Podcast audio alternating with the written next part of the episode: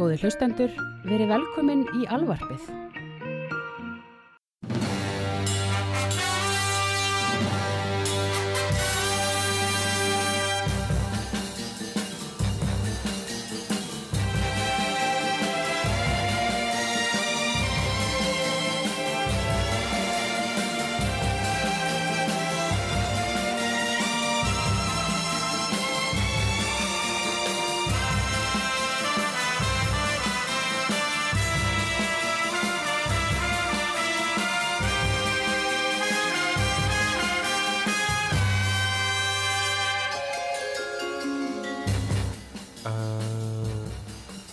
Svolítið fyrir mig.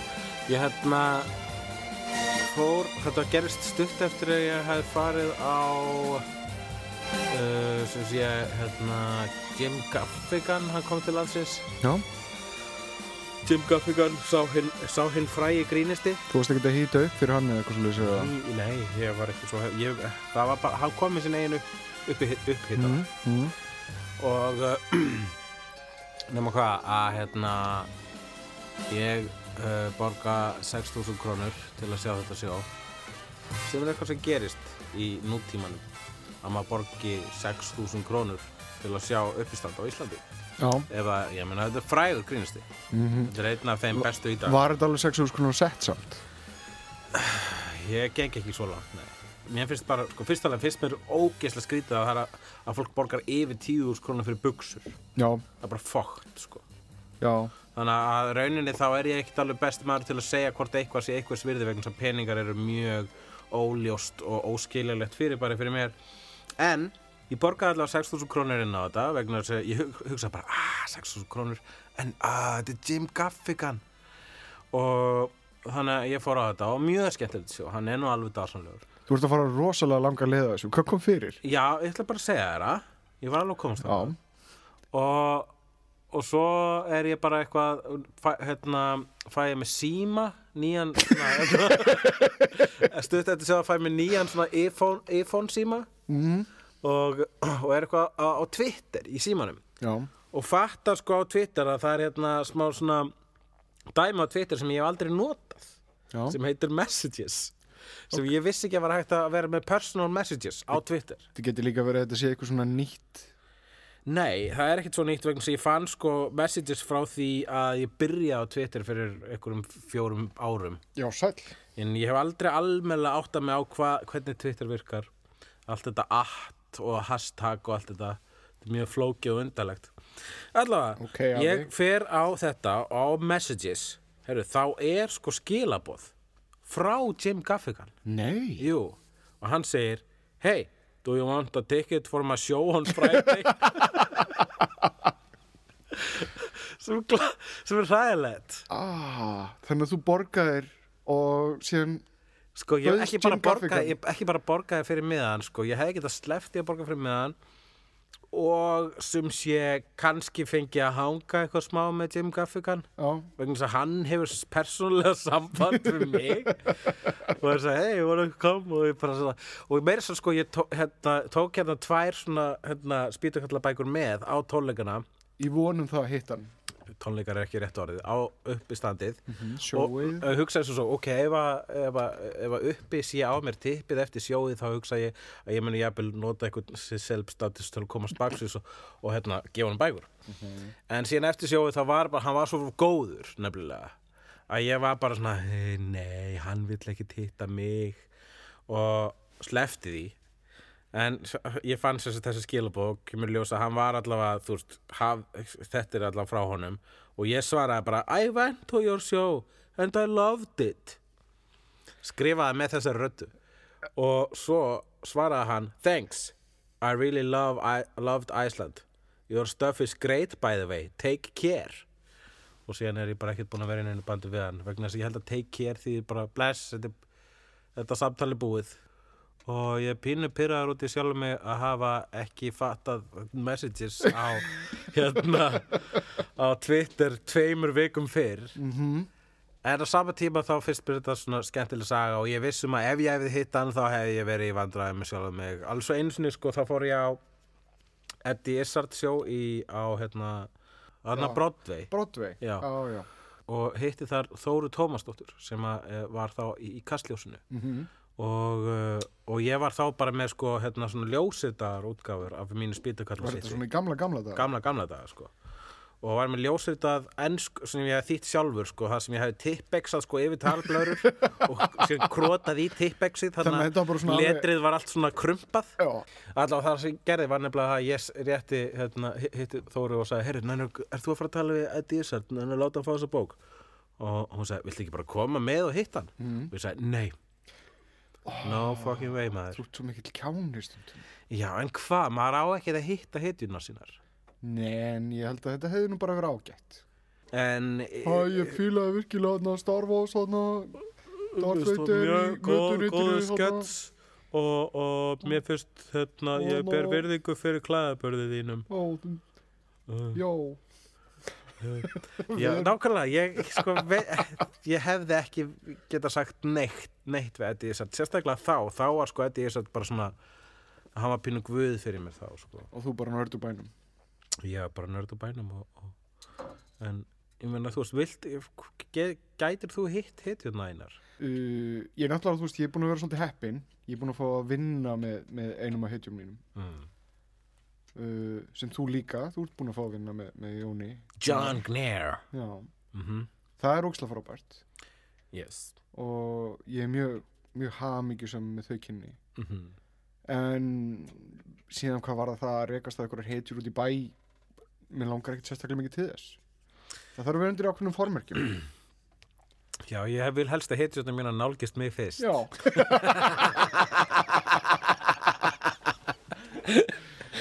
Uh, við erum hefnendur. ég heiti Ævormann og með mér er hulkleikur. já, hullleikur hér æfur mann þar Uh, Hefnendur allstaðar. Hvað er að gerast? svona efst á baugi er það, það er sem sagt, hann Zack Snyder sem er að gera þarna Superman vs. Batman myndina Zock Snider. Zack Snyder Sniderinn. Lilla Sniderinn. hann hérna hleyfti út úr annars lokuðu setti mynd af honum Ben Affleck í, í nýja Batman-búningu Já, fó- uh, gárungar á netinu er búin að kalla þannan Batman Sad Batman Já, og Fat Batman og Eða Fat Batman. Já. Það er mér nú verra. Eða Fat Batman Þannig að Batman er náttúrulega sad. Já, já, ég meina þú veist, þú getur það er, það er, það er leitun að jafn döbrum og, og, og, og svona torturuðum Oh, Karakter. do my sad Batman nema hvað hérna nema hvað hérna herðu, Ben Affleck er búin að bæta alveg massífu bulki á sig Já, á þessari mynd þá er Batman frekar svona bulki Já. svona massaður í merkingunni hann er bara svona kuppur hann er rætaður í drast Já, rætaður í drasl og fólk er að segja sumir drullusokkur á netinu er að segja hans í feitur. Það er ekki arða fytu á þessum manni. Þetta er ekkert nema, nema þetta, þetta er bara brjálað, brjálaður vöðvar sko. þetta, þetta er þrungið kjöt. Ég er, þú veist, mér finnst þetta það er, þetta er náttúrulega svartkvítu lítur út eins og þessi tiki í gegnum eitthvað svona Já, ljósmyndin er sarkvít Já. Já. Þannig að við höfum enga hugmynd um liti en við sjáum þarna að það eru stutt að Stutt eyru Það er gott Já. Langt síðan að eyrun hafi verið stutt á Batman ég er mjög hrifin að þessu stutt eyrum. Já, Þetta er svona Dark Knight uh, Returns hérna, Já Frank Miller Batman Frank Miller Batman. En það sem er kannski svona eftirtæktavert er það að hann er komið með utility belt aftur. Svona litlu pókana og, Mhm. og, og, og, og bóksinn hann. Var hann ekki með það? Já, ég er að menna, Í, þú veist, Nolan Batman Var Nolan Batman, mér fannst það ekki nóg áberandi, sko. með fljótu bræði verðist Affleck taka sér vel út í Mjög þessu, allavega okkar mati. Er, og, og síðan eru fan hérna, fans búin að vera að lita þetta Mm og það er einmitt vonin hjá mér að búningurinn sé meira og meina grár. Já, það er grái Batman er flottu Batman. Mjög flottu Batman. svolítið industrial svona. Ég er náttúrulega, ég elska bláa skikju. bláa skikkjuna, sko, það fara náttúrulega ekki út í Neil Adams svona ljósbláa skikkju. Nei, Ég var til í sko svarta skikju vegna þess að blátt myndi held ég ekki alveg bara fitta í bíó. Mhm. en svarta skikju og síðan gráa grátt, grátt spandex. Með saumum, ég sé, ég sé að það eru saumar þarna. Svona eins og sé sko eins og hann hefur saumað hann búning sjálfur í hérna á, það er eitthvað svona boksaralegt, Hann eitthvað grímulegt hann er ekki búin að panta þetta frá einhverjum, einhverjum krökkum í Kína Nei, hann, hann, er búin að sko. vera sitjandi heima með eitthvað Wayne Enterprises efni og saumað sjálfur bara setið við vélina og Alfred hefur náttúrulega hjálp, hjálpað hann sko. já, hann er nú diggur þjóð Are you sure about this, sir? explain, explain to me again, sir, what we're doing. We're doing a batsuit. Yes.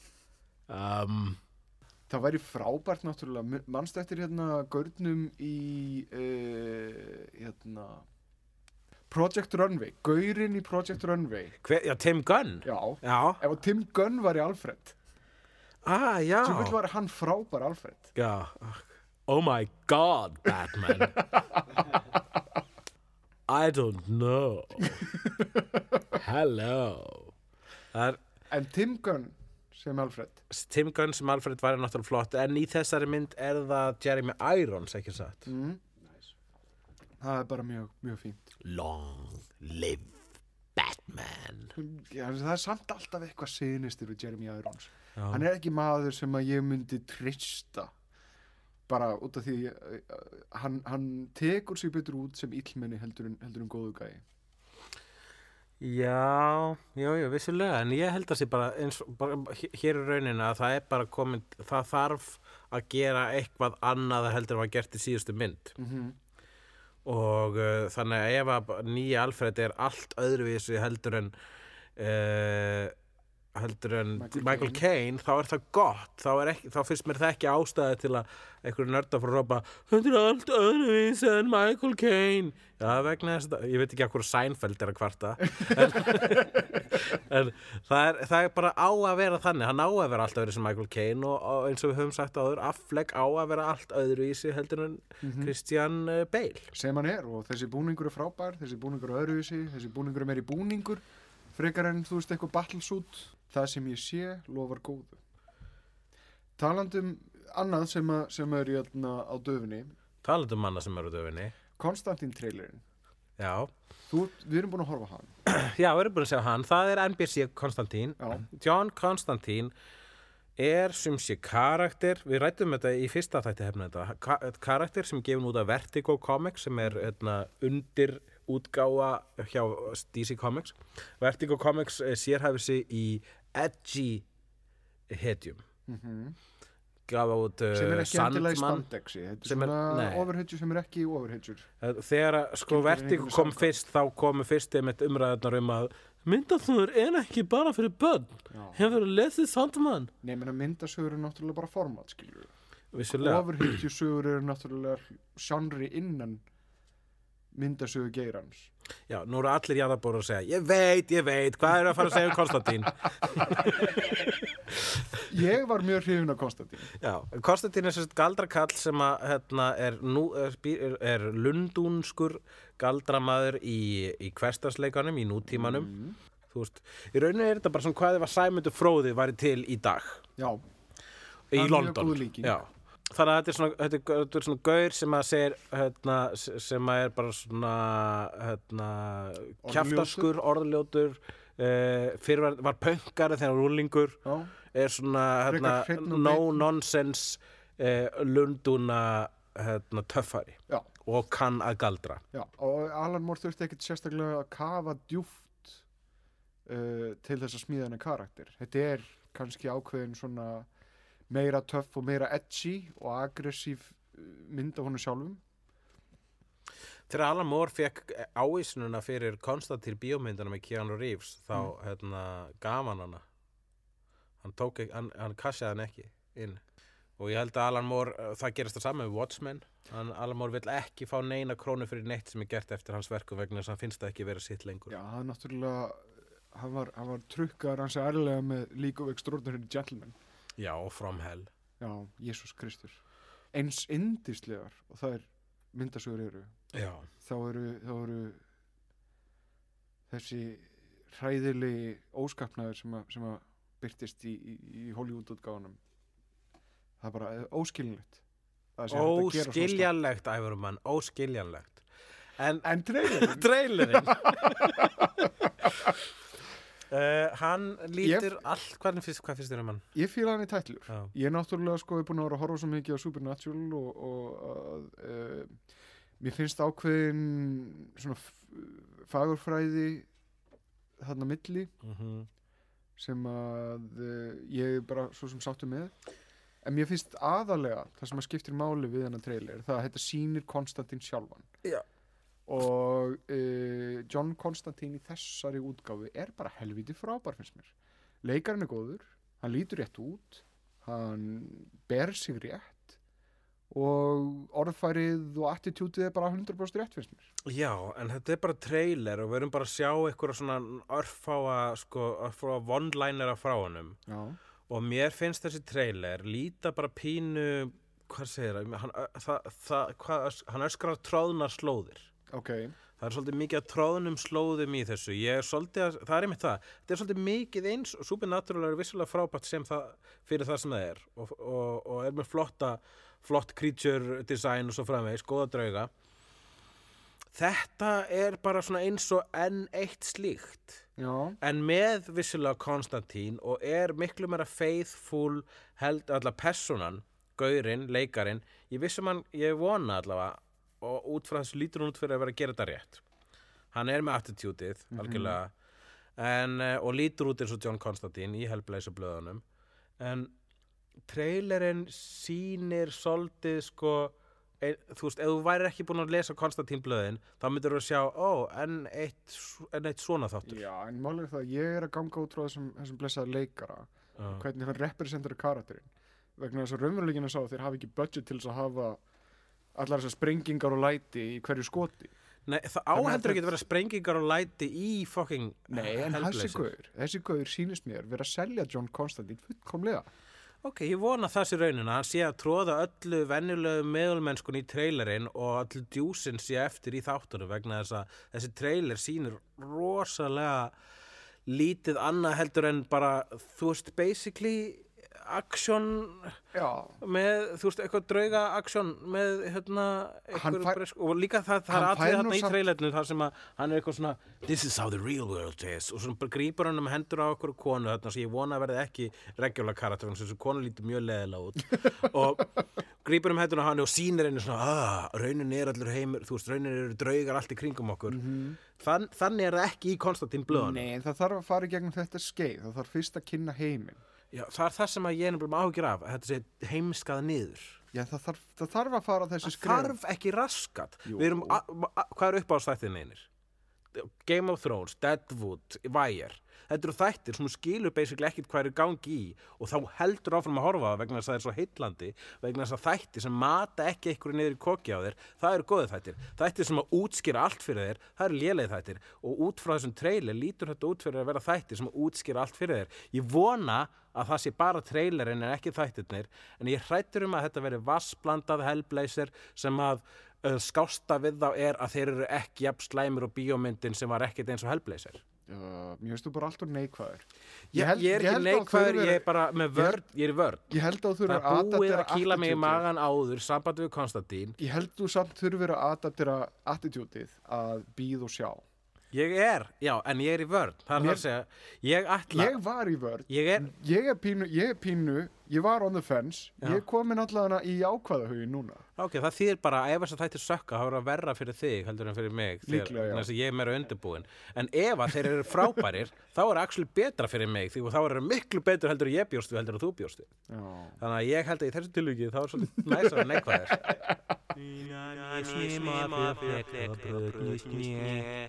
Dánarfregnir og njarðarfarir Hver er dáinn? uh, H.R. Giger, svistneski listamæðurinn sem gaf okkur, uh, hvað hétt hún? Sil úr Species og Alien Alien skilstu Já, gott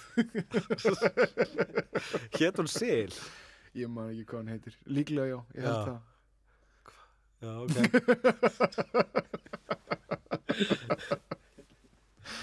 Nei, gaurinn sem bjóð til hei- Alien skrýmslið Já. hannaði það sem að Mhm. Ridley Scott fekk til að já, hanna það skrýmsli Hann er dásalega listamæður. Ég held að mína fyrstu svona listaverka bækur sem ég hefi keift eru, eru af frá honum, sko. Mm Ég kefti svona dagatalið mitt ekki til að nota sem dagatal heldur bara til að eiga myndirnir upp á vegg Ég held að allar dauða og black metal hljónsveitir í heiminum þegar að ráða til sem listamenn þá segja við hann Nei, gera eitthvað svona gíkar. Fyrir utan náttúrulega Debbie Harry úr Blondie sem að fyrir soloplötu fekk hann til að gera cover fyrir sig. Já, og hún, var hún ekki ánægð með það? Ég held það, jú. Jú, Það var mjög topp cover. Sko, Debbie Harry er fyrstulega ókísla sæt Mm og á þessum, á Debbie Harry hérna, blanda við sem sé HR gíkar. -hmm. Það var svona, uh, uh, maður var svona ringlaður kynferðislega þegar maður sá það. Debbie Harry, hot, uh, HR Giger sem er náttúrulega Cold. reynir all, í hvert einasta skipti sem hann gerir mynd þá er líklegast til eitthvað staðar fallus eða vagina. Já, ég, eitt af mennum uppáhaldsverkum uh, eftir HR gíkar er einfallega bara fallusar inn í vaginum. Það, ert að meina, ert að meina Það er svona, það er svona veggur af fallusum inn í vaginum. Það er eins og einhver að byggt á einhverju plánetu, einhverju svona alien plánetu, það er einhver byggt hérna vegg sem bara gerður úr af tippum að fara inn í vaginum og þetta var, var já, þetta, þetta er beautiful dæmi og var slá umdelt á sinni tíma en í dag er þetta bara veggfóður, sko. mm Það er náttúrulega verið mjög flott er, er náttúrulega endur tekið munstur er það ekki? Jú, þetta var það, hann gerði líka hann gerði hérna, verk í sömu seri og svona bara döið börn. Hann er dásalega listamæður, ég skreði eins og rítgerðum hann. Uh, afsaki- Þú ert náttúrulega Akkur varst að hipstera þetta? Já, ef maður segist hafa skrifað rítgerð um eitthvað þá setur maður peningi hipstur Er það? Já, ég veit ekki. Uh, já, nei en þakka þér kærlega fyrir samfélgina, Giger. Já, takk, takk fyrir uh, mig Ég þarf að klósti Á hvað ertu að glápa? Herru, ég er búinn að vera duglegur í bíó Já. Ég búinn að sjá uh, The Amazing Spider-Man Mm 2 -hmm. og ég er búinn að sjá uh, Guðsillu Já. og uh, Neighbors eða Bad Neighbors eins og hann heitir uh, hérlendis vegna þess að, vegna þess að veist, þeir sem eru dreifani þeir láta nefnilega máli skipta hvort að það sé að vera sína ástrúsku sápuna Neighbors í viðkomandi landi og ef það er verið að sína þá sápu í viðkomandi landi þá heitir myndin ekki Neighbors heldur Bad Neighbors. Svo áhörundur mun ekki vera Ha, er komið nú bíómyndu Neighbors? Hérna fyrir hennar Wait a minute, þetta er ekki eftirski Neighbors. Þetta er ekki með Sessur Hauken ég er helviti. En það... en það er vantalega, það er vantalega enginn að fara að rugglast á sig. Það er enginn Harolden Marge og, og hérna, Já. Kylie Minogue og Natalie Ég myndi að allir sem að fóra hlutverka. Kumars Go to White Castle var bara Haraldan, heyrðu það er komin ný Haraldan mótmynd við verðum að kíkja á hana uh, Jú, ég fór á ég er reynda með hérna Ef þú taka þetta í röð. ég er með ákveðin svona subkategóri annan Já. Í subkategóri fyrir hérna uh, ákvartaglápa sem að heitir setningin eða the sentence þar sem ég er með hérna, einnar setningu kvikmyndagagríni mjög fallegt að þú gerir þetta með sen er þetta blöndalrödd? Þetta er alveg, já, þetta er þetta í Hvað er blöndalrödd. það, öndinblöð? Nei, hérna hullan. Já, blöndal úr hullanum Já. Já, minningar eru blekkingar helvítis jóðarnir svo ég minnist ekki á ESB um, Setningin. Mm.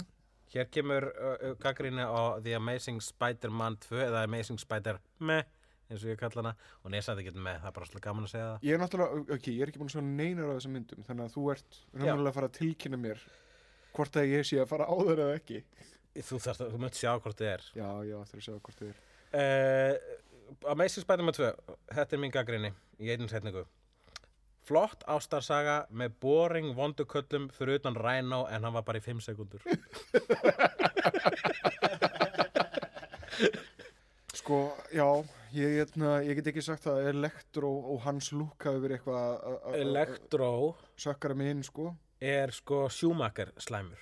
Vá, Hann er fyrir hlutamyndarinnar, þá er hann eins og hérna, Jim Carrey í Batman Forever og seinni hlutamyndarinnar er hann eins og Arnold Schwarzenegger í Batman and Robin. Og, uh, og svo, svo er þarna Green Goblin og hérna þar er hann alveg semi-interesting þegar hann er Harry Osborn og er svona hérna, nettspiltur, bitur miljónumæringur. Lítur hann út eins og goblin?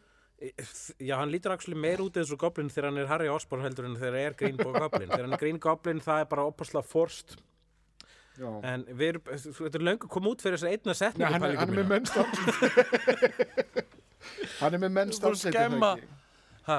Hann er með mennst andlit. Green Goblin með mennst andlit. Já, Vegna þess að sko... í eh, þessari mynd er Green Goblin með eitthvað húðsjúkdóm. Það er alltaf lagi. Það er hægt að finna á netinu screentest af því þar sem að uh, fyrir sagt, fyrstu Spiderman myndina þar sem að þeir eru að prófa grímuna Já, Sam Raimi spæðumyndinu. Já. þar sem að þeir eru að prófa grímu útgáfu af, af Green Goblin og ég er bara mjög sárít af það að þeir hafi farið út í þessa málmgrímu Já. vegna þess að mér fannst þetta virka En uh, sko, merkilega við Rhino í myndinni er að hann er, hérna, hann er hálfviti. Og það er svo langt síðan að sko vondi kallar hafa fengið að vera svona Ei, er að gerast? Hvað er að þér? Svona, svona hálfviti, svona Já, ég dröp þig, ég dröp þig Hann er svona sem er miklu meira sannfærandi sko vondikall vegna svo þannig eru vondikallinu í veruleikunum það er bara einhver drullusokka svo rekst í á barnum hvað er að þið? að lemja og Ræno er þannig en hann er bara of stutt. Bara, að, hvernig, þú veist, vegna svo þú fær meiri samúð með þannig gaur, hún fær miklu meiri samúð með þannig gaur heldur en gaurinu sem er eitthvað svona ég mun sigra heiminn. Bráðu vera allir eðlur eins og ég. Ha ha ha ha, why? Hvað, er það draumur þín allir séu eðlur? Þeir náttúrulega sko eru samt að ráða frábæran leikar í þetta hlutverk og vonandi bendir þetta til þess að, þeir ætla að gefa honum meira að gera í Sinister Six. Já, ég held að það sé stefnan uh, en það, eins og ég segi þá er sko besta við þessa mynd það er ástarsagan Já, og það er sagan, saga Péturs Parkis og Gwen Stacy. Það er flott stöf og bara vel skrifur ástarsaga sem að komir actually óvart vegna þess að sami leikstöri gerði eina leiðilegustu romantísku gafmynd sem ég ever séð sem er 500 Days of Summer sem er da ha rastl en Ég- á ég að fara yfir í Godzilla? Mér langaði samt til þess að tala fallega um Emma Stone líka. Vegna þess að mér Já, frábær. Já, hún er frábær, hún er dárslega leikona Hún er rosalega frábær. Já, já ok. Þið langar að tala um Godzilla. Ég sé Ég það á svipnum maður. Ef við tala um hvað Emma Stone er frábær leikuna hún er með svo fallega spjökoppa og þetta er svona, svona grettan sem setur á nefið sitt þegar hún Já. er svona fýblast Gretting. Já, hún er ekki bara sæt, hún er líka hæfileikari og, og hefur karisma og er Sjö, þetta er hræðilegt útásefni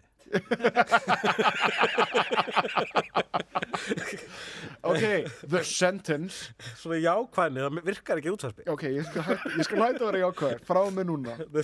Allavega, The sentence. eins og ég sagði, þess- setningin er flott ástasaga með boring vonduköllum fyrir utan ræna og hann hafa bara 5 sekundur þá erum við að tala um Guðsilu Já, Godzilla Setningin er Hundleðilegt mannfólk stelur skammalega miklum skjátíma af titilpersónunni sem hefur reyndar sjaldan litið betur út.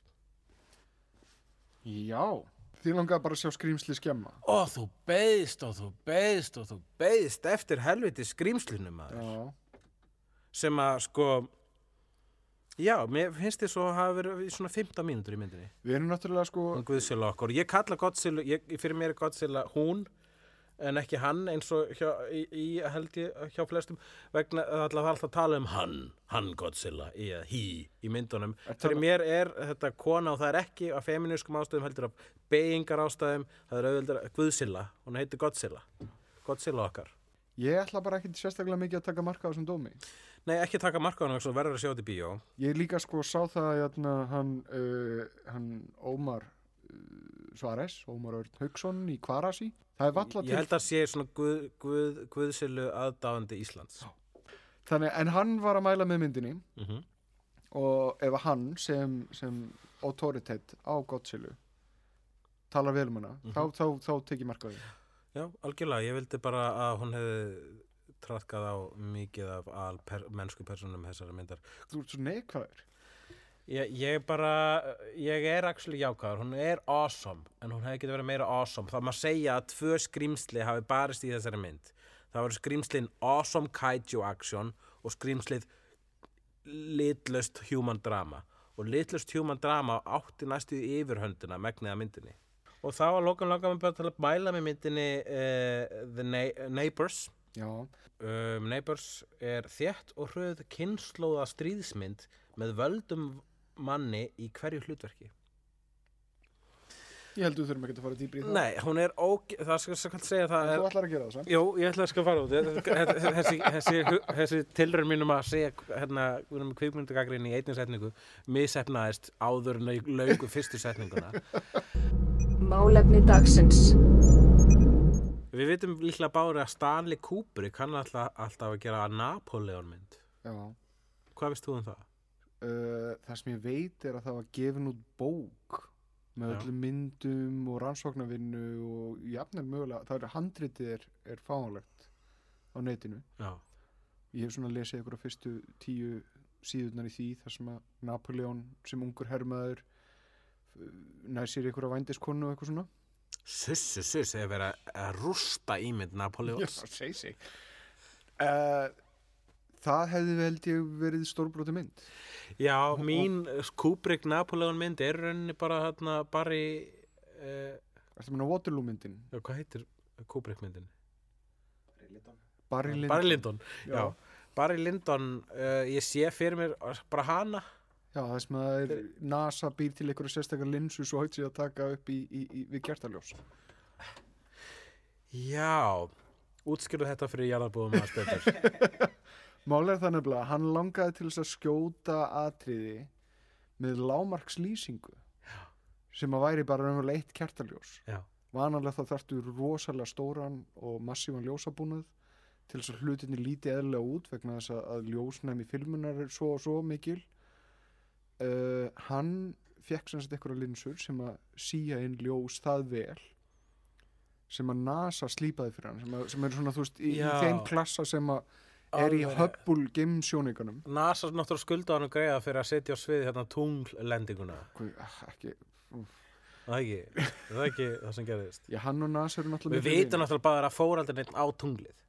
Náttúrulega ekki, fór ykkur menn á tunglið. En málefni dagsins er sem sagt myndir sem hefðu orðið en urðu ei. Mm.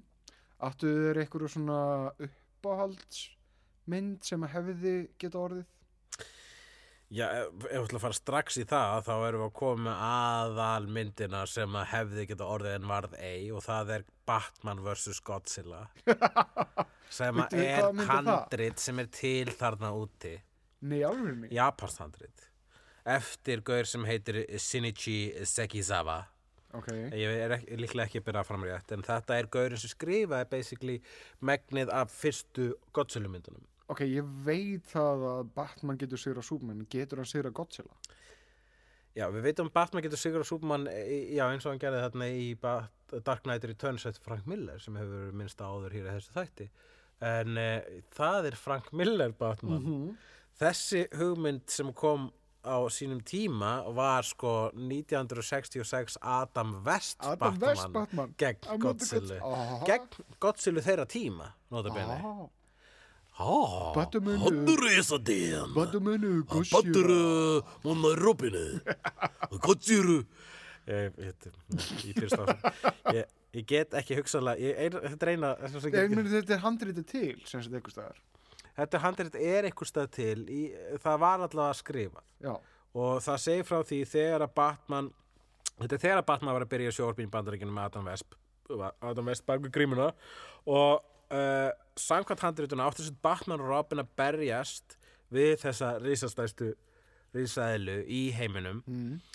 uh, með sérst, Batman bílnum og Batman þyrlunni og Batman flugulinu og Batman hérna, mótuhjólinu og það var, þú veist, þetta var, þetta var, þetta var bara, ég held að það var bara að skrifa fyrsta draft en það var einhver óli og sögmyndum að einhver vondi kall væri basically að stjórna Godzilla þannig að kannski var Jokerinn búin að ná í einhverja græður þar sem getur stjórna Godzilla.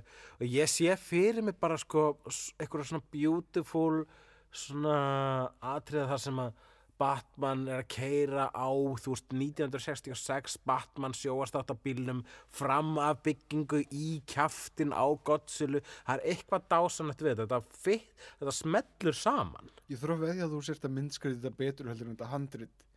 Já, ég veist sem að, já, Ég þarf að veðja, ok, það er ég ætti Japani, að gera þessa mynd. Nei, það er Japani sem að gerir handritið, Já, sem að skrifar Godzilla handrit. Heldur að Batman hefði vunnið? Sko, mikið af Godzilla myndir en, enda annarkvort af því að Godzilla sigraður eða Godzilla sigrar eitthvað og fer síðan heim aftur í sjóin Já, þannig að það hefði verið, ég held Myndi að sko, ef þeir eru að taka, taka sko approachið að Godzilla sé eitthvað svona verndari jarðarinnar eða alheimsins er það að ég hugsaði sko, fyrst hefði sko Godzilla verið að rústa ykkur Mhm. með, og Jokerinn eða, eða, eða Two-Face eða ykkur, líklega ekki Two-Face Two-Face var aldrei í gamlu Batman þáttunum vegna svona rough scary Mhm. þau voru með no-face, nei, fake-face ok. og egghead og eitthvað svona grínóinni en það kannski hefur verið egghead eða, eða hérna eða Dr. Freeze eða, eða Catwoman eða hver sem er hefur verið að stjórna uh, Godzilla þá hefði sko í þriðja þriðja þætti myndarinnar þá hefði sko Batman átta sig á því og stöðuvandakallinn og Godzilla hefði þá hætt að vera heila þvegin eða svona losna undan hérna, fjöturum vandakallsins og þeir hefði sameina krafta sína gegn vandakallinum Já. og síðan hefði Þannig að hefði Batman og Godzilla hefði orðið vinir. það voru vinir, Það hefði kannski verið atriðið sem, að, sem að Batman hefði verið á bakinn og Godzilla eins og hún hefði verið eitthvað svona risastór hestur. ómissandi, ómissandi atriði í svona mynd Mhm. og, og, og, og Godzilla uh, öskrar sitt, sitt sigur öskur eftir að hafa trakka á djókurnum og lappar síðan í sjóin og Batman segir ei, býðu, ég er að drukna og deyr Koma svo Godzilla, klessa niður broskallabygginguna.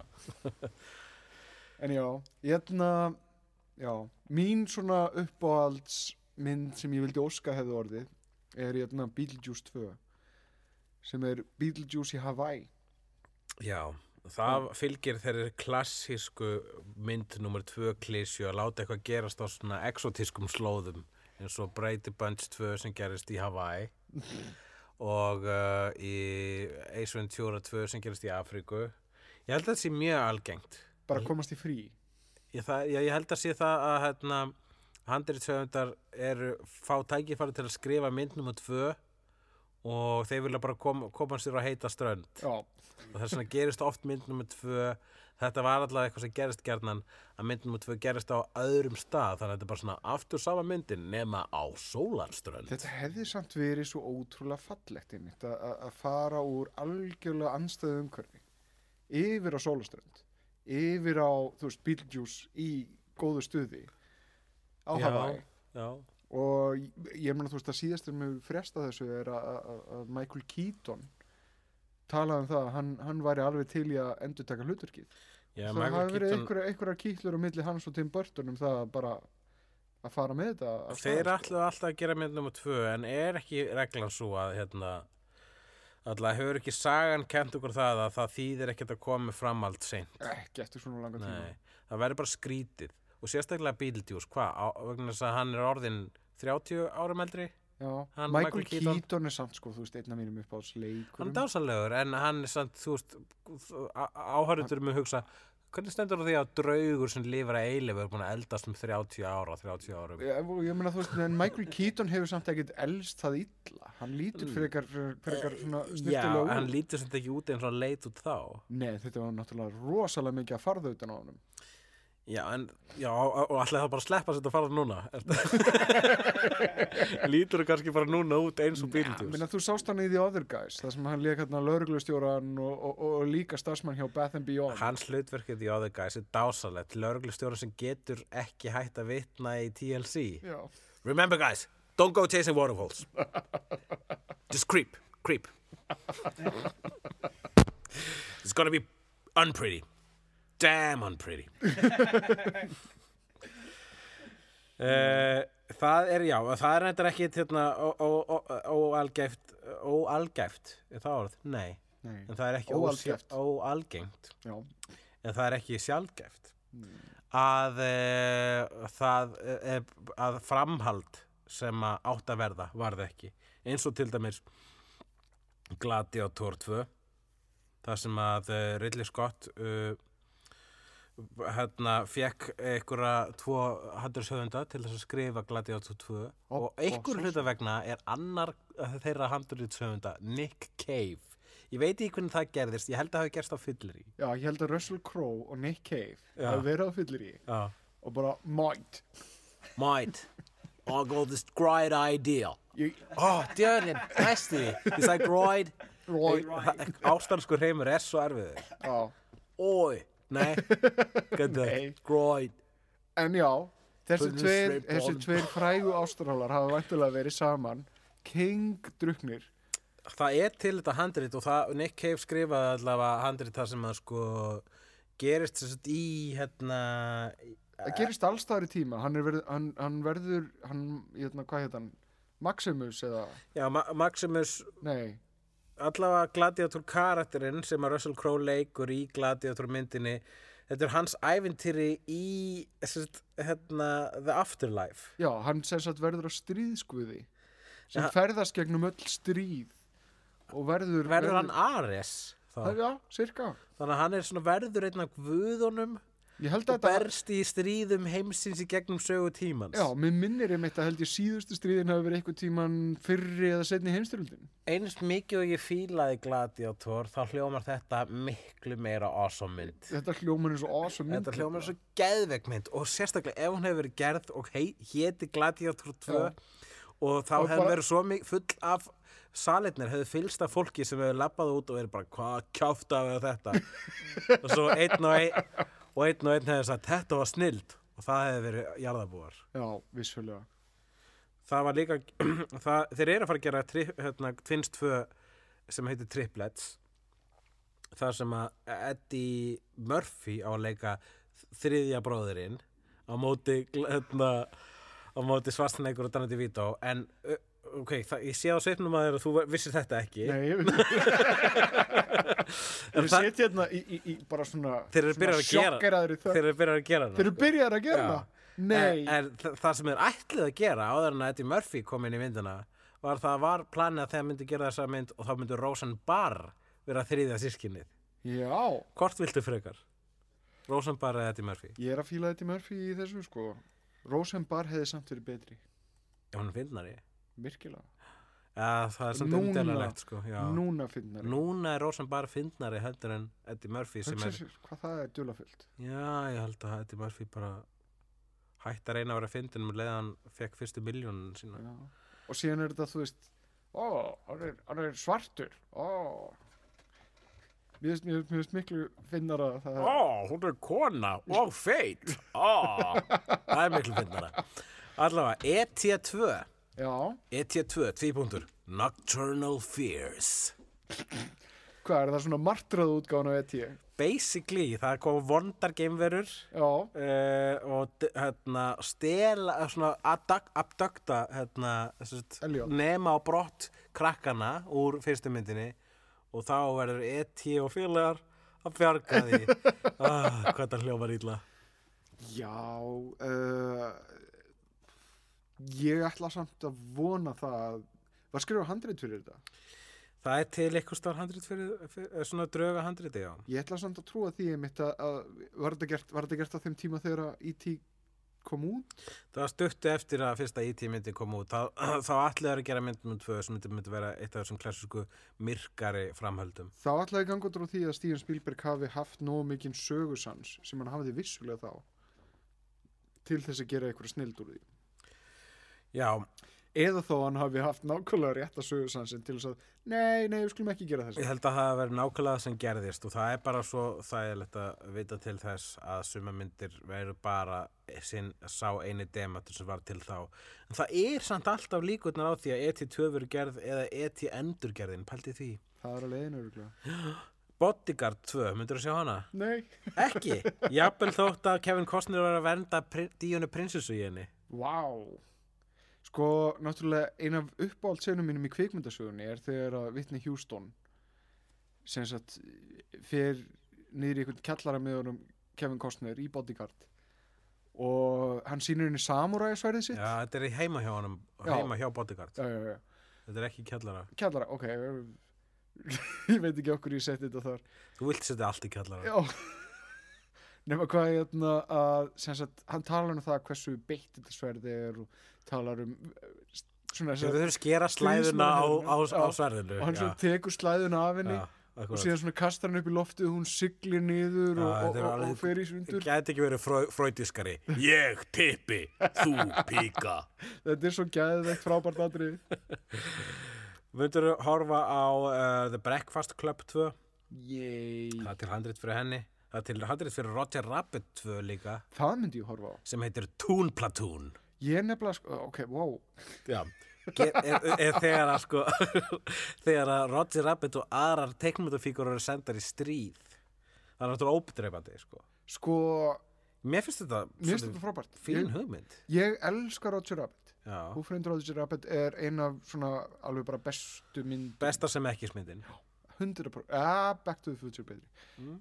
En ég ætna agree to disagree. En, en Who Framed Roger Rabbit er frábær bíómynd.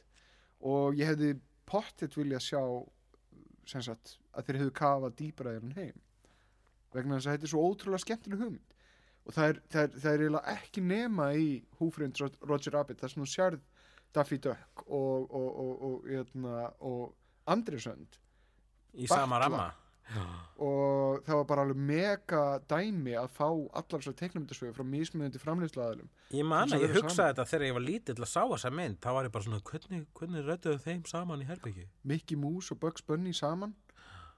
Í fallega sinni þetta er, þetta er alveg stórbróti mynd og þú veist að þetta er náttúrulega byggt á bókum uppalega já, sem er bók sem hétt Who Censored Roger Rabbit. Who Killed Roger Rabbit. Ég held að sé Who Censored ég held að það hefur verið setni útgáfa. Google stríð, Google stríð. Tjekka þessu. Who Killed Roger Rabbit held ég að hefur verið uppalega útgáfan. Og, og, og, og þetta var sagt einhvern veginn sem sagt frásögnin var í draugarödd Roger Rabbit. Og síðan gaf hann út aftur. Ok, ég meinar ég hafa einmitt skoða kápu á bók sem heit Who Censored Roger Rabbit? Síðan var gefið út framhald af því. Líklega, en við getum ekki talað um það núna eins og þú neytir að tjekka Google En þá ætla ég að segja frá mynd sem heit Catwoman sem er ekki Halle Berry Catwoman heldur. Til ætla að gera feature length mynd með Michelle Pfeiffer þar sem hún er satt á Maso Catwoman úr Batman Returns sem er næst besta Batman myndin Ég, sko, ein versta kvikmynd sem ég hef séð um æfina, alveg bara með allra verstu kvikmynda upplifunum sem ég hef átt. Og ég séð margar slæmar kvikmyndir, en Catwoman með Halle Berry er mjög, mjög anstíkileg. Ég ennbla hef ekki séð hana Ég bara á mikið. svo er, Sko, ég er mjög hrifin af slæmu myndum En þessi, hún, það er, það er eins og sé, það sé eitthvað eitur þarna, sko. ég hata hana svo mikið hún bara, þú veist þú veist hvernig þið leið þegar þú gegst að X-Men Origins uh, Wolverine Já. taktu þá upplifun og margkvalda Og hana trottin með upp í raskat á þér. Margkvalda hana með trott upp í raskataðir Já. þá, þá færður nokkurn veginn svona mína upplifun að því að horfa á Catwoman. Hún er eitur, hún er ógeð. Já, en það vann hún hérna rassís á sínum tíma. En ég, já, þetta, þetta er út fyrir rassis þetta er svo slæmt. Um að en bara, ég, sem er sérstaklega uh, sorglegt með það leikstjórin sem að var svona visual supervisor hjá hérna, Shuno Caro genginu sem að gerði City of Lost Chil- Children og Delicatessen. Fer þarna í leikstjórastólin og bara gerir drast. Já, er það? Já. Ok, vegna þess að hún, um, hún lúkkar líka svo illa. Ég hef ekki ennþá séð hana, en ég þarf að sjá hana. Uh, En ég skal segja það að hérna, en, uh, Pfeiffer- útgáfa. mynd útgáfan átti að segja frá því þegar Selina Kyle smit, uh, smitur flytur í uh, Araborg þar sem ofurhetjur hafa, eru byrjað að vera vondar. Já, þar sem ofurhetjur eru spiltar og, og svo vegna þess að hún er fyrir spilt ofurhetja þá er hún kannski antihetjan sem að sigrar spiltar ofurhetjar þetta hljómar interesting en uh, ég persónlega hef bara viljað sjá bara Catwoman mynd byggð á þú veist, einhver Catwoman ævintýri úr blöðunum. Raunin er svo reyndar að Catwoman úr, hérna, Sadomaso Catwoman úr Batman Returns er allt önnur Selina Kyle heldur en maður þekkir úr hérna blöðunum, svo, hún er demantaþjóður og yrbárstjóður í blöðunum en þarna er hún sko uh, engaritari sem að fara Hans uppreisnar Max Já. minnum við eitthvað. Er vissulega flott útgáfa já, en það eru náttúrulega til svo margar af er Catwoman, það er lítil atriði. vændis komum Cat- Catwoman sem er náttúrulega Frank Miller atrið í Batman sem er með Returns. obsessed á vændiskonum apparently, þú lest verkinans atrið í Batman Returns þegar hún kemur heim þegar hún, þegar hún breytist í Catwoman. E, þegar, hún, þegar hún er allt í hennu brotin manneska þessi, þessi vinalega kona. Það er eitt af mínum bara svona top, það er í top 10 upp á svo geðveikt atriði. Mm. og endirinn þegar hún brýtur ljósin á Hello There sem endar í því að þú veist þegar hún tekur út E og, og, og, og T og það kemur bara Hell Here það var vissulega dásalegt mér langar til að bara gæsa við slaufa þessu upp hérna með framhöldi sem hefði getið orðið með því að minnast á Matthildu sem áttu að vera framhaldið af Leon sem að hún, uh, Natalie Portman áttu að vera legumorðingi uh, og uh, Con Airport sem áttu að vera framhaldið af Con Air en við lágar til að minnast á uh, framhaldið á Dude My Car sem átti að heita Seriously Dude Car Já. varð aldrei vegna þess að báðir leikarnir í þeirri mynd urðu eitthvað of góðir fyrir þetta franchise Já. og fóru sitt bullshit áttina sem er mynd. bullshit ég menna, hvað er Astu Kustjón núna? uppáhaldstættinu þínum, that's where Já. two and a half men reyndar líka giftur Mílu Kónus uh, í sambandi við Mílu í Kónus sambandi við Milo Kunis Uh, og, en Seriously Dúdversmakar hefði ekki bara verið eina kvikmyndanafnið, kvikmyndatitillin sem væri betri en Dúdversmakar heldur líka hefði verið frábært og nöðsilegt framhald. Sem betur fer fattaði leikstjórin og, og, og brainchildið bak við þessa mynd að gera uh, Haraldan Kumar seríuna. Já. sem að hann gerir þrjár Haraldan Kumar, myndir sem hann bættu upp fyrir missin af Seriously Dúdversmakar reyndar má kalla alveg Haraldan Kumar Dude Where's My Car myndir. Þær eru það. Þetta er basically Já, algjörlega. Þetta er, ég held að það sem hugsanlega er sko, Haraldur Kumar Go to White Castle bara handrið að seriously Dúdversmakar Ég get alveg trúa því. En já, það er nú samt fullt af öðrum myndum sem að minnast á skilur eins eins og Dune uh, sem að Jodorowski ætlaði að gera Já, og spratt og verið það spennandi. Það áttu Gígar að gera hérna, Har- Harkonnen heiminn. Gíger og hérna, hvað heit hann, Dan O'Bannon sem, að- sem að skrifa handrita Alien mm. mættust þar. Þannig þannig að Alien hefði aldrei verið til hef, ef það hefði ekki verið fyrir Fyrir hugsanlega djúnmynd eftir Jodorowsky. Sko, Jodorowsky er ekki bara með bestu visuálana í, í sögu kvikmyndana heldur er hann líka með frábært hugmyndaflug og hefði verið einmitt, það er svolítið sérstætt sko, ég hef ekki lesið Dún bækunar það er greinlegt, það er ég, eitthvað ég við þar hef lesið þar, þær eru mjög góðar þær eru Eh, frábærar. og það er eitthvað við þar sem kallar á sér þetta á að súrialískustu leikstjórar vilja gera bíómyndirnar Mhm. eftir þess að Lynch gerði bíómynd eftir Dún sem hann vill reyndar ekki sjálfur kannastu við vegna þess að framleiðendur uh, hök, hökkuðana í June, June er náttúrulega, já ég veit það ekki. Ég, ég fílaði reyndar June hans Lynch. Mm. ég, ég, ég get ekki sagt að mér leytist yfir henni. Það er eina Lynch-myndi sem ég sopna yfir en það var bara líklega auðvitað sem ég var bann þegar ég horfði hana. Mér finnst Baron Harkonnen í þessum fljúandi hjólastól alveg frábær, Sting. Sting náttúrulega, Konstantínun okkar. Kyle MacLachlan. Kyle MacLachlan? Blablabla Blablabla Eitna, nei, mér finnst hún bara töff. Mér finnst hún ógst að töff.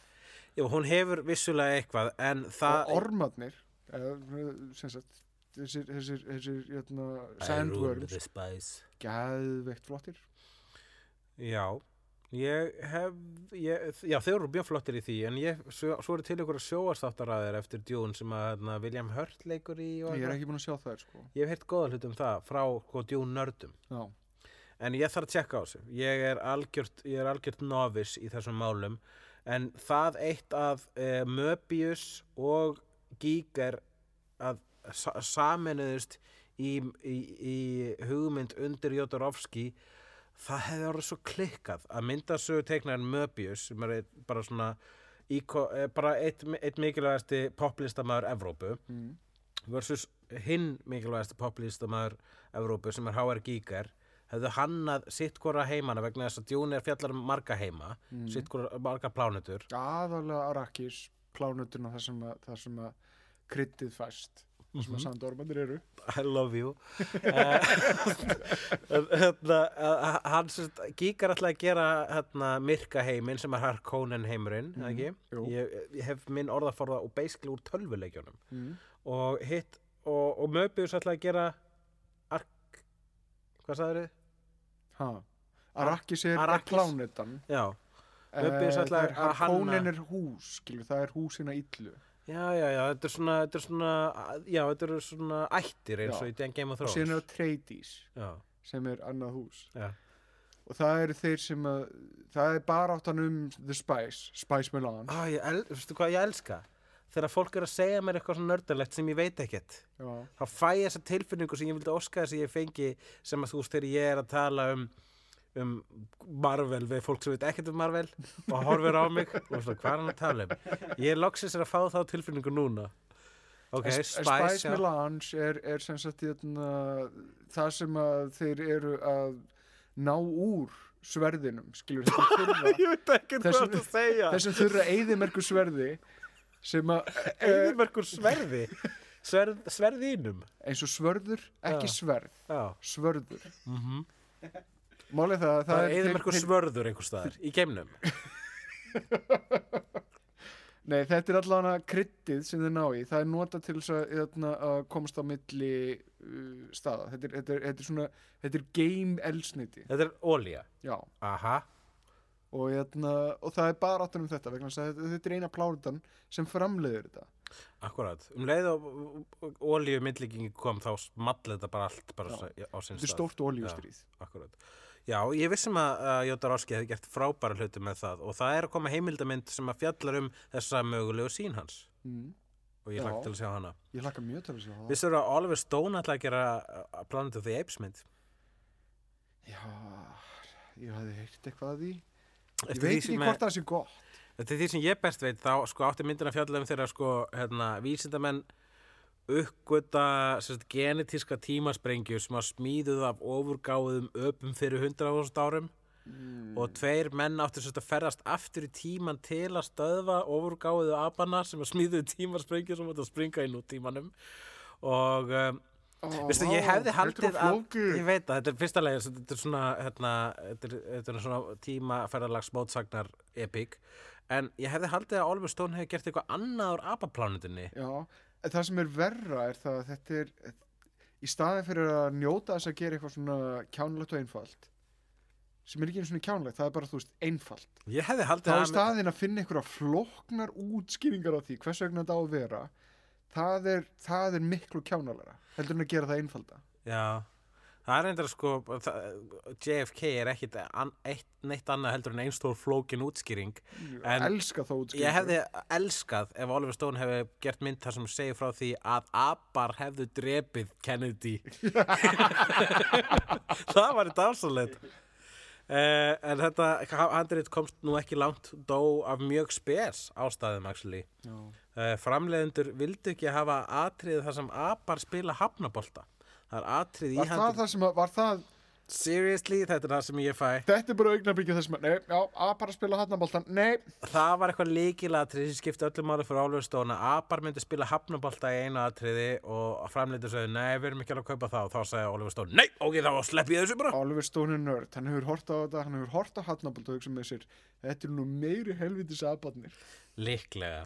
ég vil gera þetta, þetta er það sem ég vil gera Við erum síðan með, bá, við, hérna, við, það eru nokkrar útgáður af Indiana Jones sem auðvitað aldrei. já, Þú varst að tala um einhverja sem að uh, Frank Darabont. já uh, það er útgáð, það er handrit sem að Frank Darabont skrifaði og var eiginlega bara komið á production stíð bæði Spielberg og Harrison Ford voru búin að gefa blessun sínu á þetta handrit en George Lucas hikaði George Rockar Lucas, hann er svo mikill skrítin fyrir þau fugl. já, hann vildi gera eitthvað annað Ekki nóg mikið eh, að geimurum. þetta handrit er endar aðgengileg tekst á netinu Mm. uh, en það er tölvert betra heldur en Crystal Skulls var. Já, já, ég, þeir sko, notuðu alveg element úr því sko en, en hérna uh, já, það er eitthvað með George Lucas. George Lucas fyrstulega það sem er heyrt á honum að hann var sko vist of næsgaur fyrir Hollywood. mm, Uh, maður er búin að lesa núna nýjar fleiri og fleiri sögur sem hafa komið upp yfirborðið um hvernig framleiðslan á hérna, fyrstu starfarsmyndunum hafa verið og, og þú veist þegar það var að vera hérna, inntökuprófin í inntökuprófin, það er ekki rétt orðið The auditions. audition, Já.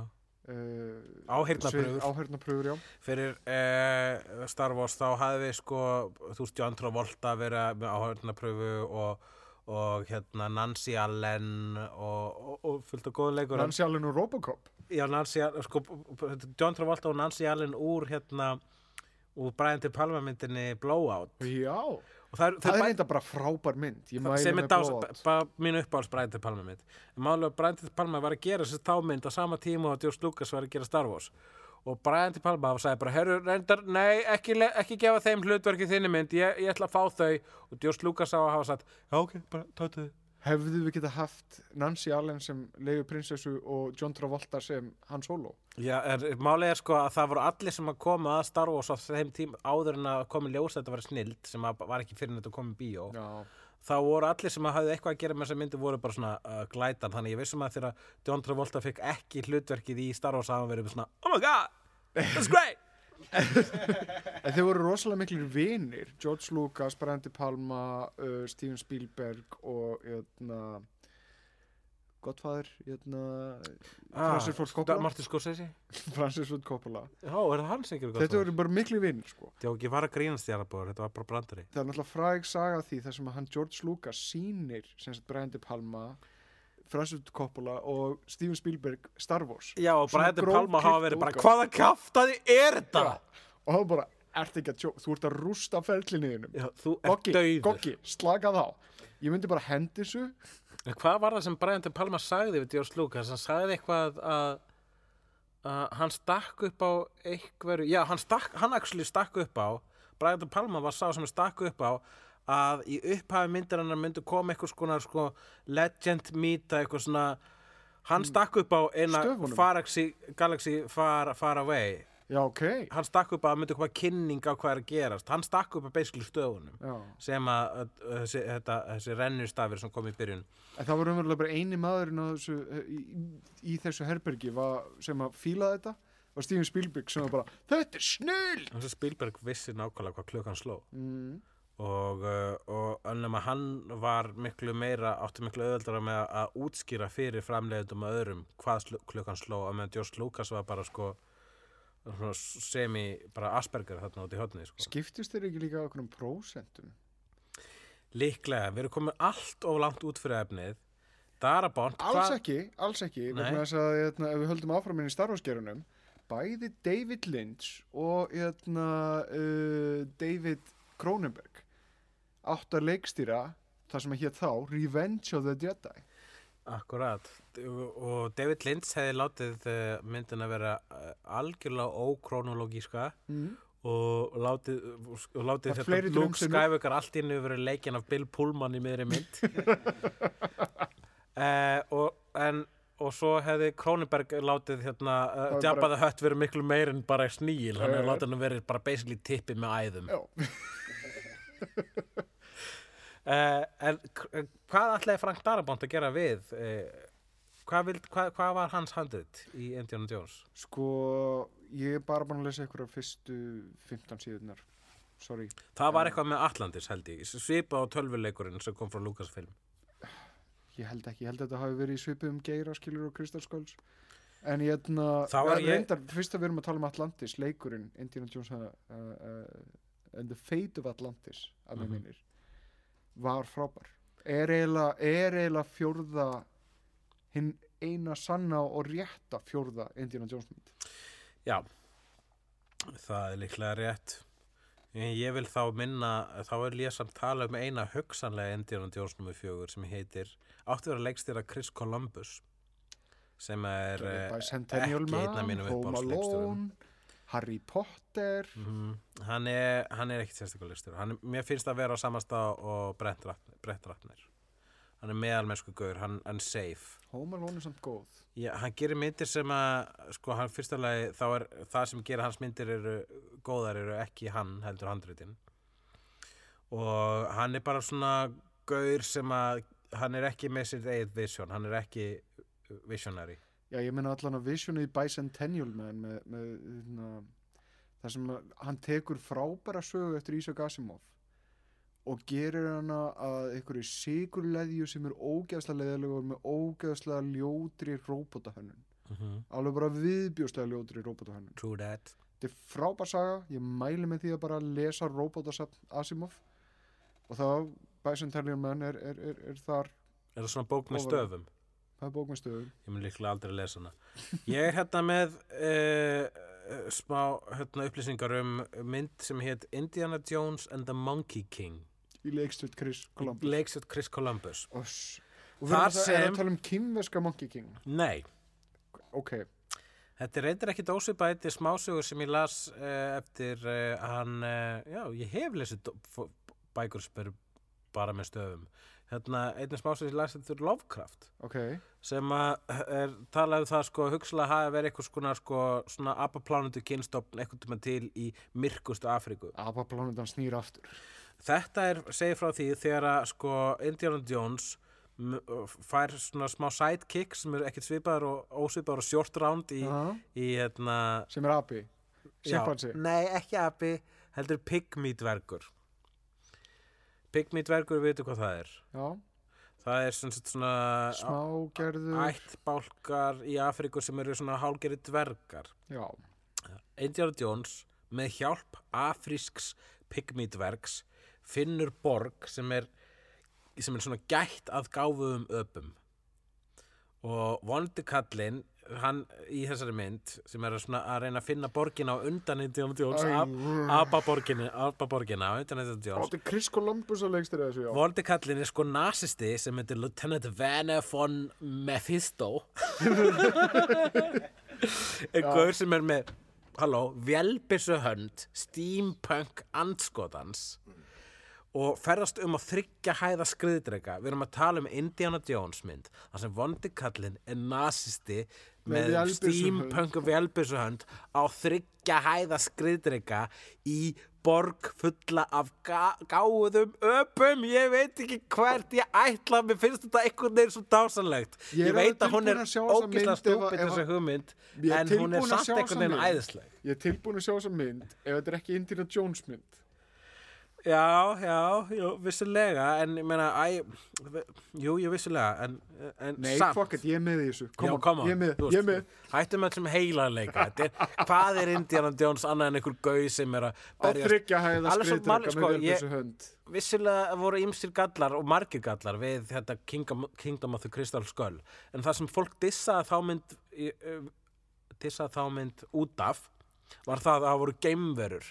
Bara hvað, okkur eru geimverur Indiana Jones, það eru ekki geimverur Indiana Jones. Hvað, og Guð meikla miklu meiri sens. Það er Vegna þess að reyndar- mynd nummer 1 og 3 fjöllum basically um að Guð og Jésús var til og eitthvað. Eitt endur í sambandi við Kingdom of the Crystal Skulls.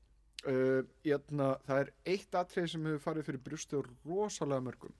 Það er það að hann skildi hafa farið innan uh, blíklæta ískap og lifað á kjartnökusbrengju það er atrið sem var upplega að skrifa fyrir Back to the Future bæði vei það er frábært mm -hmm. en mér finnst þetta frábært atriði mér finnst þetta gott atriði og þeir sem að halda í fram já. að þetta sé slæmt eða ótrúverðut ég geta bara tróðið upp í að- að ef þú með hvað þegar ef þú einhver ætlar í tóði hjarta úr einhverjum í, í Temple of Doom Nei, ef þú ætlar í alveg talað að gaggrina þetta atriði en finnast það allt í lagi að fara úr einhverjum plastfleka úr flugvél og lenda á fjalli uh -huh. í Temple of Doom þá getur þú bara tróðið þessu í raskataður Já, raskatið þangað getur þú tróðið því, Já. herra minn. Þetta er frábært atrið Svo sannarlega Ef þú þá tala um hinnar mögulegu Superman-myndir. Úff, það er náttúrulega frægur mónolókur sem hann Kevin Smith hefur haldið um Superman Lives. Já, var það Nicolas Cage útgáðan sem að Tim Burton ætlaði að leikstýra? Það var allavega sko Kevin Smith var ekkert um að ráðin til að gera handrit af mynd sem Tim Burton allavega hugsaðlega að leikstýra sem að átti að vera með Nicolas Cage í aðluturki í sem Superman. Superman búningi í svörtum skikkjulausum Superman-búningi.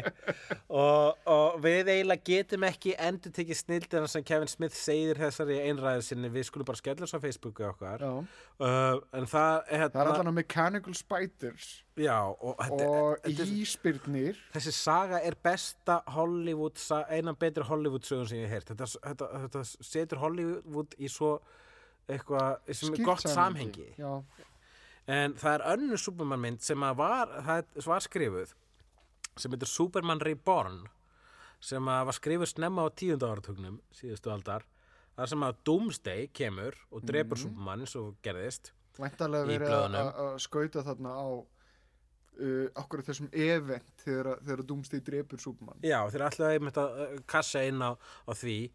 Uh, en uh, já, vegna þess að það var eitthvað frækt uh, comics event þegar uh, Superman Day Já, það bara allt í hennu fór í heimspersuna það var allt í hennu Superman relevant aftur. Allt í komst, komst uh, comics í fréttinnar svona fyrir víðara samengi heldur en nördarna sem voru að lesa. Nákvæmlega uh, en það sem gerist í þessari handrit er það að Doomsday drepur Superman til að byrja með. Já, svo bara ferðast Superman sálina Superman út úr líkamannum hann er náttúrulega Superman og, og sálina getur ferðast og ég náttúrulega mér grunar það að Reborn Nákvæmlega, sálinn fyrir inn í Lois Lane og hún fæðir Superman klón og deyr við basburðin. bara í augnablikinu? Mm er engin barspurður, er ekki nýju mánuðin eitt svolítið bara búm, opna, uh, bara belgur og síðan fæðist hann. Þetta er alltaf sko, þegar þetta er ekki frumlegt eins og stálu svo 2000 gá- ára gamalli sögu, þau basically tóku bara Jésús og sú, ef að Supermarkin var ekki nógu með augljós Jésús eftirlíking fyrir, þá fóru með það alla leið þa þarna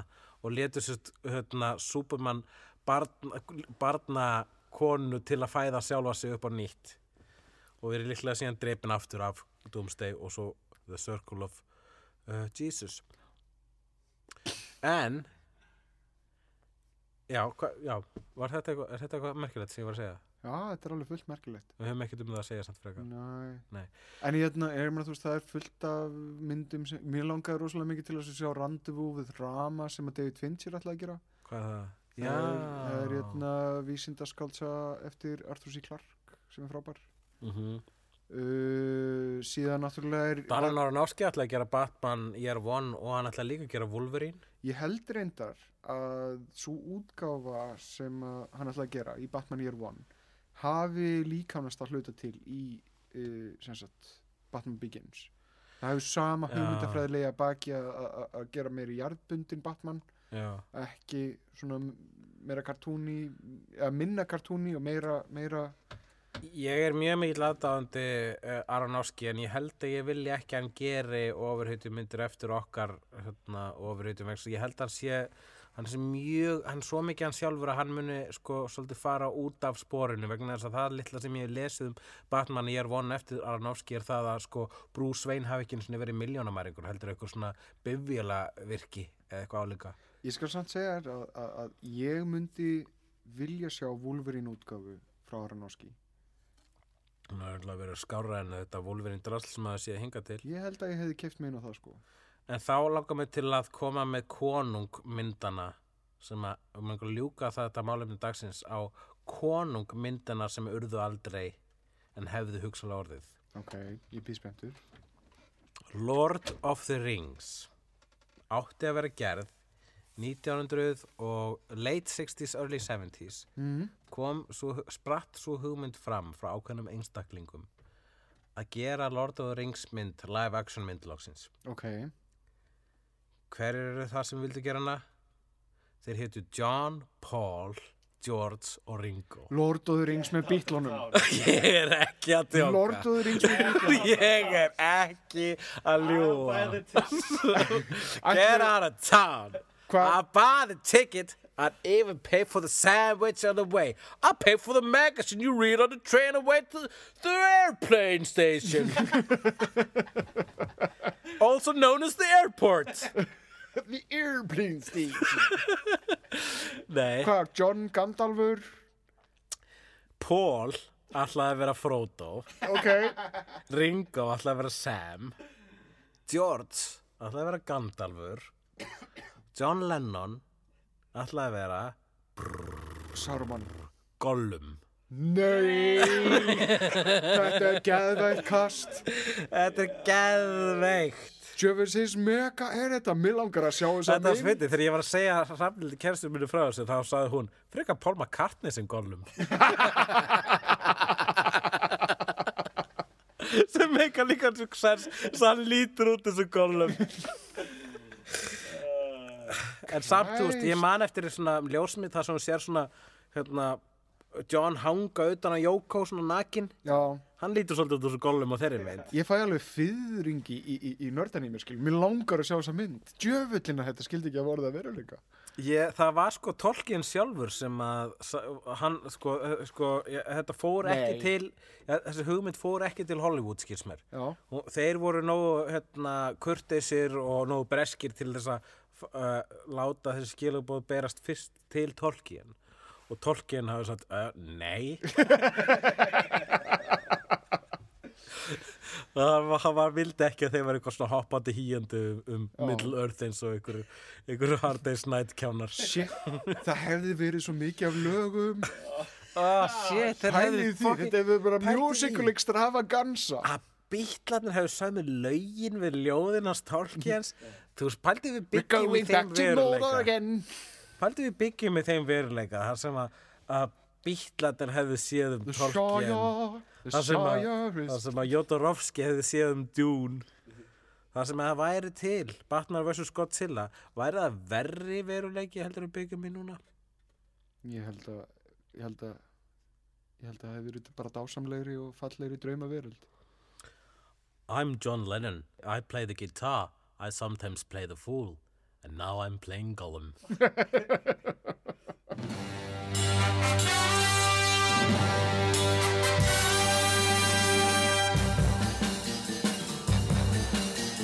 Þetta voru hefnendurnir. Þeir heita Hugleikur Dagsson og Jóhann Ævar Grímsson. Um, upptöku sá Lilla Snorri. Snorra. Lilla Snorran. Snorri Helgason. Takk.